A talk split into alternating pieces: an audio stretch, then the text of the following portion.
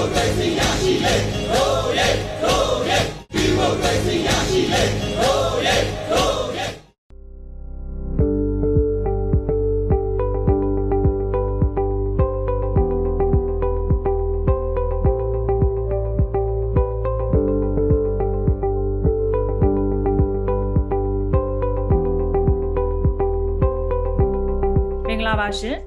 Public Voice PPTV ရဲ့တွဲဆုံမေးမြန်းခန်းအစီအစဉ်ကနေကြိုဆိုပါရစေ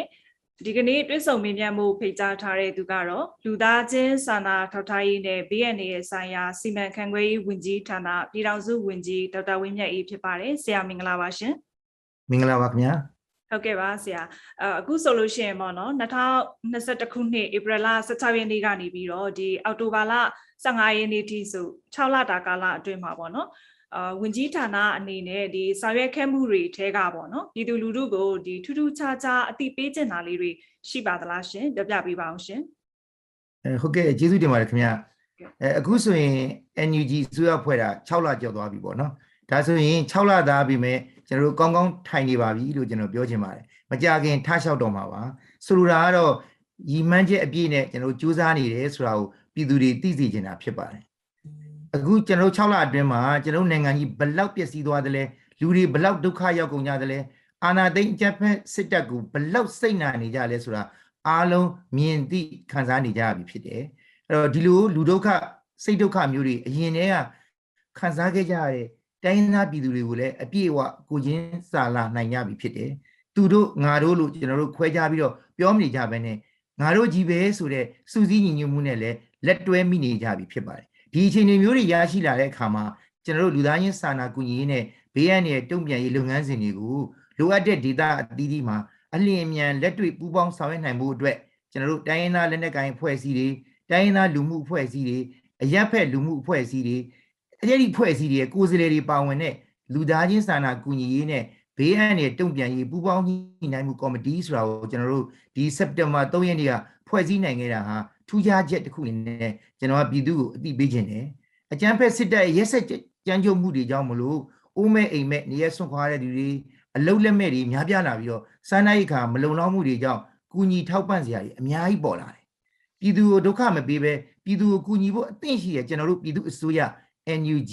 လူသားချင်းစာနာထောက်ထားရေးနဲ့ဘေးအန္တရာယ်စီဆိုင်ရာစီမံခန့်ခွဲရေးဝန်ကြီးဌာနအနေနဲ့ထောက်ပံ့ရေးပစ္စည်းတွေနဲ့ထောက်ပံ့ငွေတွေစီးဆင်းမှုလမ်းကြောင်းတွေကို အကြမ်းဖက်စစ်တပ်ရဲ့ပိတ်ပင်တားဆီးမှုများစွာကိုကြော်ဖြတ်ပြီးတော့ဆောင်ရွက်နိုင်ဖို့ကျွန်တော်တို့အခုဖွဲ့စည်းကြတဲ့ပူးပေါင်းညှိနှိုင်းမှုကော်မတီကအလွန်ရေးကြည့်တယ်လို့သိပေးလိုပါတယ်လိုအပ်ချက်ရှိနေတဲ့တိုင်းဒေသဒေသတွေနဲ့တိုင်းဒေသကြီးတွေမှာဒေသအတွင်းမှာကျွမ်းကျင်တဲ့လူတွေနဲ့ကျွန်တော်တို့ပူးပေါင်းညှိနှိုင်းဆုံးဖြတ်ဆောင်ရွက်မှုတွေပြုလုပ်နေပါတယ်ဒါဟာ Federal ပြည်ထောင်စုတစ်ခုအတွက်စတင်ပြင်ဆင်နေတဲ့အချိန်မှာထူးခြားမှုအနေနဲ့ထည့်သွင်းသိပေးတာဖြစ်ပါတယ်ခင်ဗျ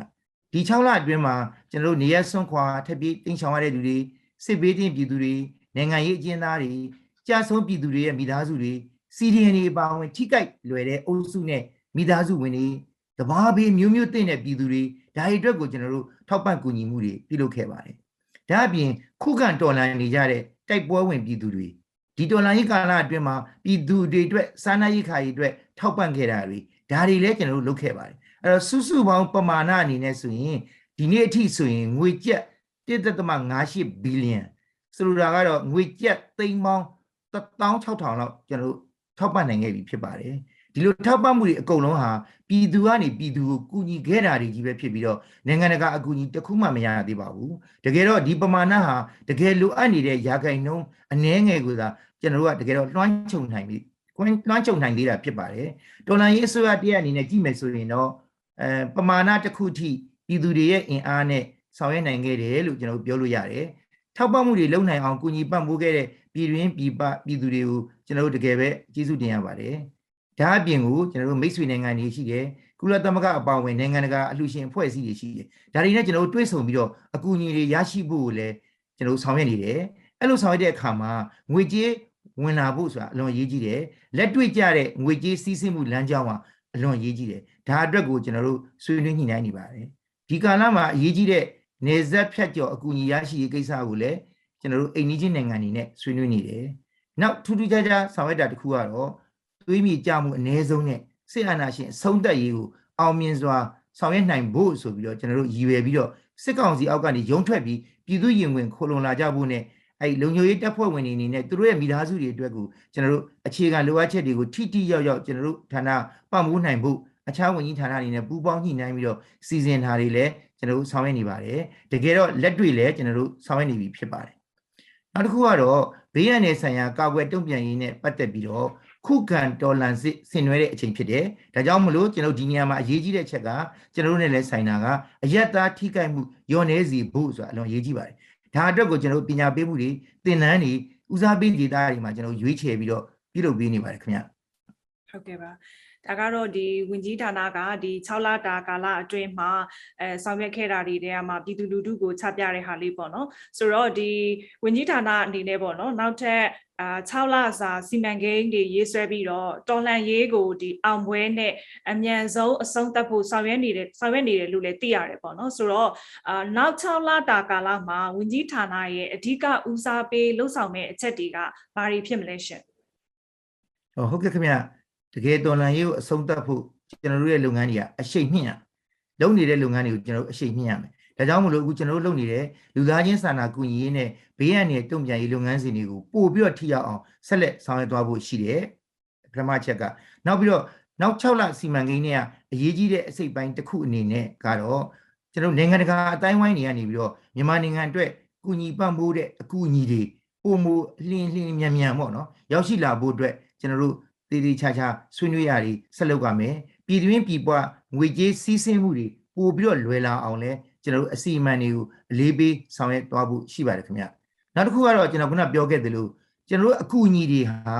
ပြည်တွင်းကမဖြတ်ဖဲနဲ့နေဆက်ဖြတ်ကျော်လူသားချင်းစာနာအကူအညီရရှိမယ်ဆိုရင်တကယ်ဒုက္ခရောက်နေတဲ့နော် displace ဒီနေဒီ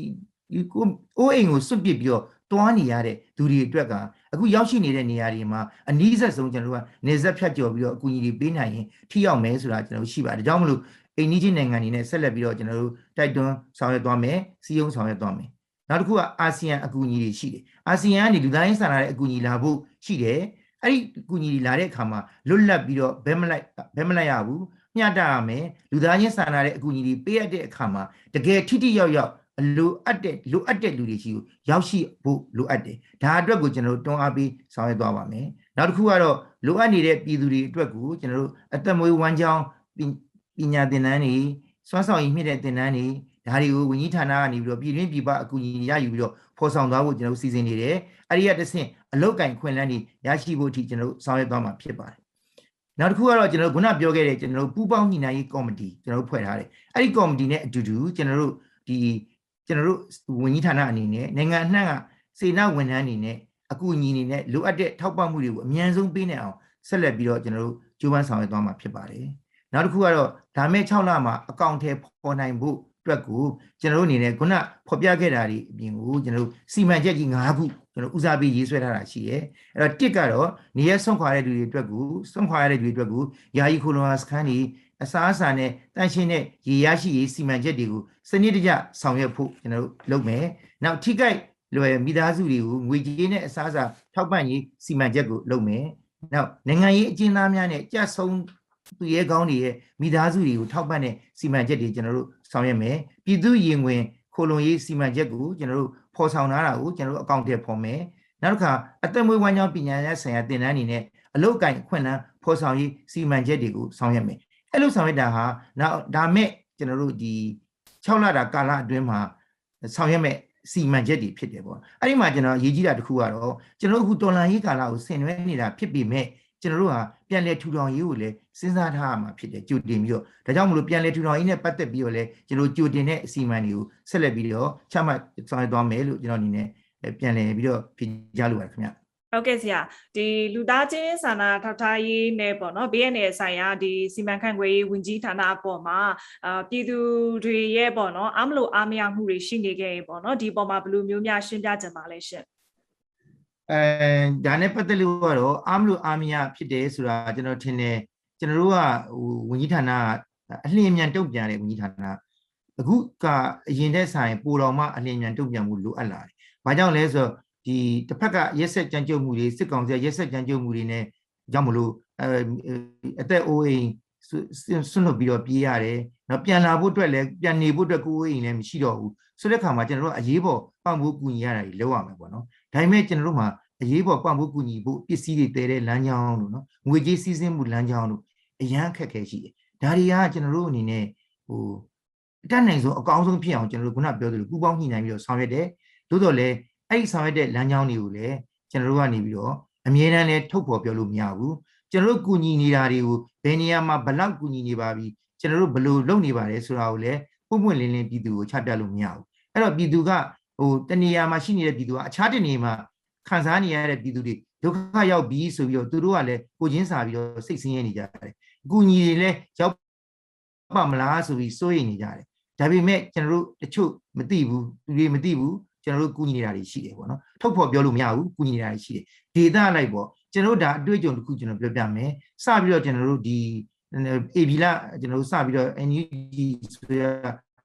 စထောင်ပြီးတဲ့အခါမှာကျွန်တော်ဒေတာတစ်ခုမှာကျွန်တော်ကူညီပေးတယ်ပေးပြီးတော့ကျွန်တော်အားလူတွေဝန်တာအရာဖြစ်အောင်ဆိုသတင်းတစ်ခုထုတ်လိုက်တယ်ထုတ်လိုက်တော့အဲ့ဒီနေမြေမှာဘယ်အဖွဲ့ကနေပြီးတော့ဒီလိုမျိုးကူညီတတ်တယ်ဆိုတော့ကျွန်တော်တို့တကယ်တော့နာမည်နဲ့ထုတ်တော့မှာမဟုတ်ဘူးမှန်းဆပြီးတော့အဲ့မှာတွားပြီးတော့အဲ့လူတွေဖမ်းခံရတယ် ဆိုတော့အဲ့လိုမျိုးအန်ဒီရီကြုံတွေ့တဲ့အခါမှာကျွန်တော်အနေနဲ့ပွင့်ပွင့်လင်းလင်းပြောလို့မရဘူးအရင်နဲ့မတူဘူးပေါ့ဒါအတွက်ကိုလည်းပြည်သူတွေနားလည်ဖို့ကျွန်တော်အနေနဲ့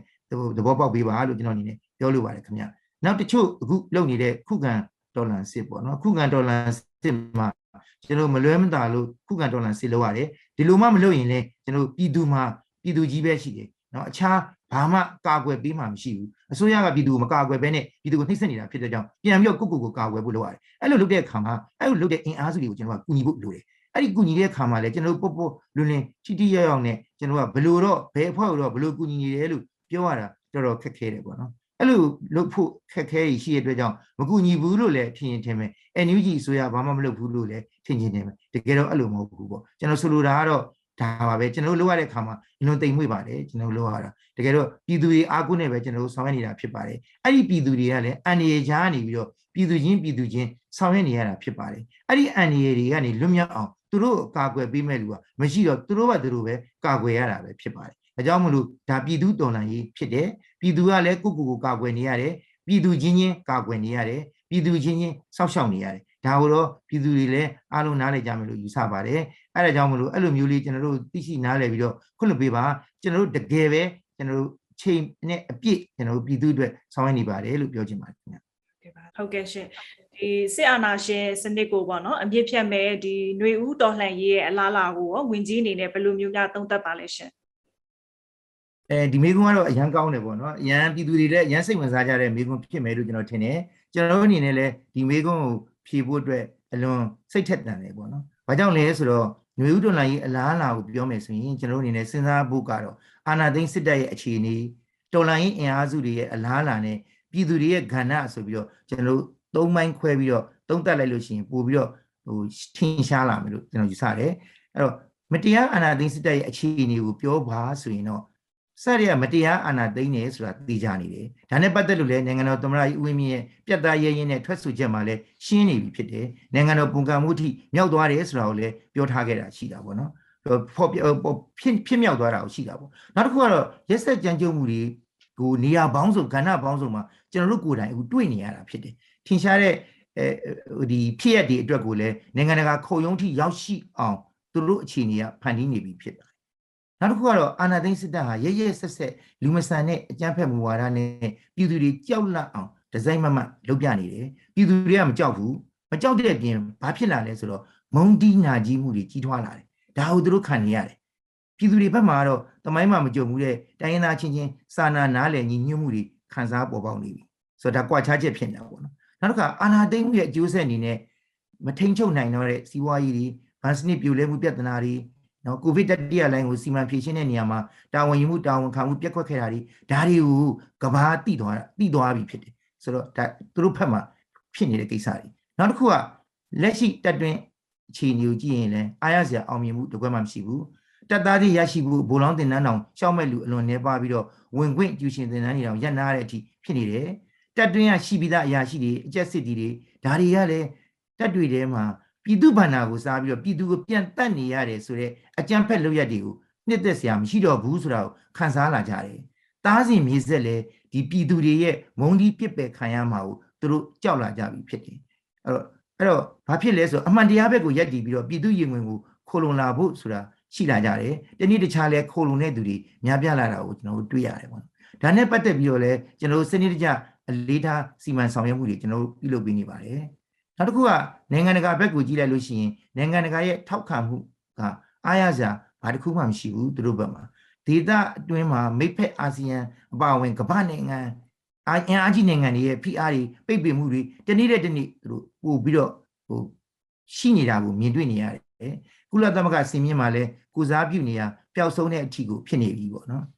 နောက်ခြားဘက်မှာတော့ကျွန်တော်တို့အမျိုးသားညီညွတ်ရေးအစိုးရဟာနိုင်ငံတကာရဲ့အတိအမှတ်ပြုမှုတွေတခဲနဲ့ရရှိလာတယ် အိန္ဒိချင်းနိုင်ငံကြီးတွေရဲ့အစဆက်ဆံရေးတွေတိုးမြင့်အောင်ကျွန်တော်တို့ဆောင်ရွက်နိုင်နေပြီဖြစ်တယ်ဒါကိုပြောရရင်တော့စစ်ကောင်စီဘက်ချမ်းမှာကမ်းပါပြူပြီးကြောက်ကဘာဖြစ်လာတဲ့အချိန်မှာကျွန်တော်တို့ NUG ဘက်မှာတောင်ထွန်းနေပြီလို့ကျွန်တော်အနေနဲ့ပြောလိုပါတယ်ခင်ဗျနောက်တစ်ခုကတော့တော်လန်ရေးအင်အားစုတွေရဲ့အလားအလာပေါ့နော်တော်လန်ရေးအင်အားစုတွေရဲ့အလားအလာကိုသုံးသပ်ကြည့်မယ်ဆိုရင်ဟိုတကယ်တော့ဒီကဏ္ဍအနေနဲ့ဒါခွဲခြားသုံးသပ်ရတာတကယ်တော့တော်လန်ရေးအင်အားစုဆိုတာတော့ပြည်သူပဲအမျိုးသားညီညွတ်ရေးဆိုရဆိုတာလည်းပြည်သူကမြေပြားခံလာတာပဲ အဲ့တော့ပြည်သူတော်လန်ရေးကြီးကိုပြည်သူကပဲစတင်လုပ်ခဲ့တာအားလုံးသိပါတယ်အဲ့တော့လမ်းမပေါ်မှာစခဲ့တဲ့ဒီဘာသာလူမျိုးမခွဲခြားဘဲနဲ့တသားတဲ့ညီညွတ်ခဲ့တဲ့တပိတ်စစ်ကြောင်းကြီးကနေအစပြုပြီးတော့အသက်ကိုဗဒာနာမထားဘဲနဲ့ရဲဝံ့စွန့်စားပြည်သူ PDF တီအထီးတော်လန်ရေးအင်အားတွေဟာအလွှာအသီးသီးမှာပြည်သူများပဲဖြစ်ကြပါတယ်အဲ့တော့လိုအပ်တဲ့ပံ့ပိုးကူညီမှုတွေကိုမမောနိုင်မပန်းနိုင်ထောက်ပံ့ပေးနေတာလဲပြည်ပရောက်နေပြည်တွင်းကပြည်သူတွေပဲဖြစ်တယ် အဲ့တော့အခုဆိုရင်တော်လိုင်းကြီးကာလဟာ6လတိုင်ခဲ့ပြီစစ်ကောင်စီဘလို့မှဟန်တာနှောက်နှောက်ရှက်မှုတွေကိုနော်သူ့ရဲ့နှောက်ရှက်နှောက်ရှက်မှုတွေကိုလူမဆန်စွာပြည်လုပ်နေပြီမဲ့ပြည်သူတော်လှန်ရေးလှုပ်ရှားမှုတွေကတော့ရှိနေသေးပဲဖြစ်တယ်အားရောမသွားဘူးပုံမူကြည့်လစ်ပြီးစနစ်ကျလာတယ်လို့ကျွန်တော်သိရခံစားရတယ်အင်အားတွေတိုးတက်နေပြီဆိုတာကိုလည်းတကယ်တော့ကျွန်တော်အနေနဲ့အသိပေးခြင်းပါတယ်အရင်တုန်းကလက်နက်ကင်အင်အားစုမရှိခဲ့တဲ့နေရာတွေမှာလည်း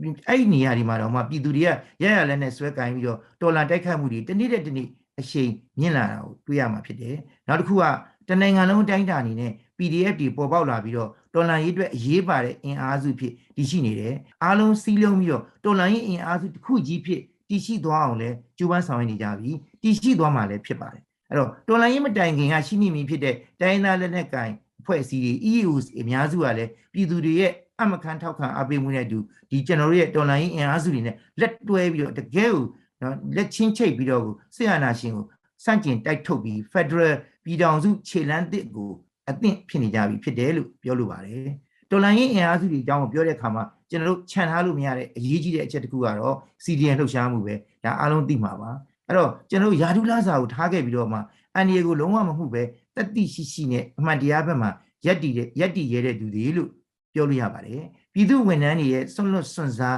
CDN လှုပ်ရှားမှုတွေကြောင့်မြမຫນွေဦးတော်လာရေးကဘာကြော်ခဲ့ရတယ်ဆိုတာလည်းအားလုံးသိပဲဖြစ်ပါတယ်အဲ့တော့ဒီ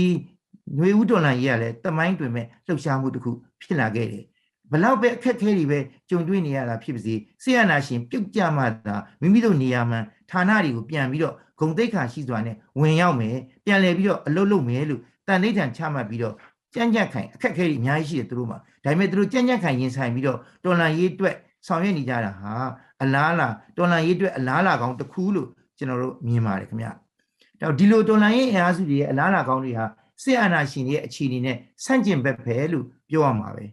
အဲတနည်းတခြားဒဇာတဲ့တဆအင်အားတိုးပွားခိုင်မာလာတာကိုအားလုံးပဲတွေးကြမှာဖြစ်ပါတယ်နောက်တစ်ချက်ကတော့ကျွန်တော်ပြောချင်တာပြည်သူတွေရဲ့အခန်းကဏ္ဍပေါ့နော်အဲပြည်သူရဲ့အခန်းကဏ္ဍနဲ့ပြောမယ်ဆိုရင် အဲဒီအကြမ်းဖက်စစ်တပ်အနေနဲ့ပြည်သူတွေကိုရန်သူလိုသဘောထားတယ်ဆက်ဆံခြင်းသုံးတယ်လူသားမဆန်ဂုံသိက္ခာမရှိတဲ့လူရက်တွေကိုအမြဲကျุလွန်တယ်ပြည်သူတွေကလည်းဥပဒေမဲ့နဲ့ကြမ်းကြုတ်ရုပ်မှမှုတွေကိုတွေးကြုံသိရှိပြီးသားခံစားဘူးသားဖြစ်ခဲ့တာတွေလည်းရှိတဲ့အတွက်ကြောင့်ဆေးအာနာရှင်စနစ်မပြတ်မတုံမချင်းဘယ်သူတူတယောက်မှအစ်စ်အမှန်လုံခြုံဘေးကင်းမှုရမှာမဟုတ်ဘူးဆိုတာကိုကောင်းကောင်းနားလည်သဘောပေါက်ကြတယ်ဒါအမှန်တန်အရေးကြီးတဲ့ချက်ဖြစ်ဒါကြောင့်မိမိတို့စွမ်းနိုင်တဲ့ အားလျော်စွာအသီးသီးအလွှာအသီးသီးကပြည်သူတွေကနေပြီးတော့ index အားတိုင်းနဲ့ပါဝင်ပြီးတော့အားဖြည့်ဆောင်ရွက်နေကြတာကိုတွေ့ရမှာဖြစ်တယ်ဒီမှာအခွန်အခတွေမပေးဆောင်မဲနဲ့စန့်ကျင်တဲ့စစ်တပ်နဲ့ဆက်နွယ်တဲ့စီးပွားရေးလုပ်ငန်းတွေကိုတပိတ်မှောက်တယ်ပြည်သူအချင်းချင်းဖိမကူညီတယ်နော်နောက်တစ်ခုကတော်လန်ရေးအင်အားစုတွေကိုထောက်ပံ့ကူညီတယ်နောက်သတင်းချက်လက်တွေကိုဝင်ငှပေးကြတယ်နောက်စစ်ကောင်စီကိုဖိအားပေးဖို့နဲ့ပြည်သူတော်လန်ရေးကိုအတိမတ်ပြုကူညီပေးဖို့နိုင်ငံတကာကိုတောင်းဆိုမှုတွေကိုပြည်တွင်းပြည်ပ ညီညီညွတ်ညွတ်လှုပ်ရှားဆောင်ရွက်နေကြတာတွေ့ရမှာဖြစ်ပါတယ်စစ်ကောင်စီရဲ့လိန်ညာသတင်းထုတ်ပြန်မှုတွေနဲ့ဝါဒဖြန့်မှုတွေကိုလည်းလိမ္မာပါလတ်စွာနဲ့ပြည်သူတွေတုံ့တက်ဝေဖန်နိုင်ကြတာကိုသတိပြုမိမှာဖြစ်ပါတယ်ဒီအချက်တွေကြောင့်မလို့ပြည်သူတော်လှန်ရေးအရေးနှိမ့်စရာအကြောင်းအလင်းမရှိပါဘူးလို့ပဲကျွန်တော်အနေနဲ့ပြောချင်ပါတယ်ပြည်သူတွေညှော်မှန်းထားတဲ့တော်လှန်ရေးပန်းနိုင်ဟာပြည်သူနဲ့လက်တကမ်းกว่าမှာပဲရှိပါတယ်တေချာတာကတော့မဝေးတော့တဲ့ကာလတစ်ခုမှာကျွန်တော်တို့အားလုံးအောင်ပွဲခံနိုင်မယ်လို့ကျွန်တော်အနေနဲ့ ရဲရဲပြောချင်ပါတယ်ခင်ဗျဟုတ်ကဲ့ပါရှင်အခုလိုမျိုးအချိန်ပေးပြီးပြေကြားပေးခဲ့တဲ့လူသားချင်းစာနာထောက်ထားရေးနဲ့ BNN ရဲ့ဆိုင်ရာစီမံခန့်ခွဲရေးဝန်ကြီးဌာနပြည်ထောင်စုဝန်ကြီးဒေါက်တာဝင်းမြတ်အေးကို PPTV ရဲ့ကိုစားကျေးဇူးအထူးပဲတင်ရှိပါရရှင်ကျွန်တော်လည်းကျေးဇူးတင်ပါတယ်ခင်ဗျဖြည့်ဆိုခွင့်ရတာဟုတ်ကဲ့ပါရှင်ရေတော်ဘုံအောင်ရမည်ရေတော်ဘုံအောင်ရမည်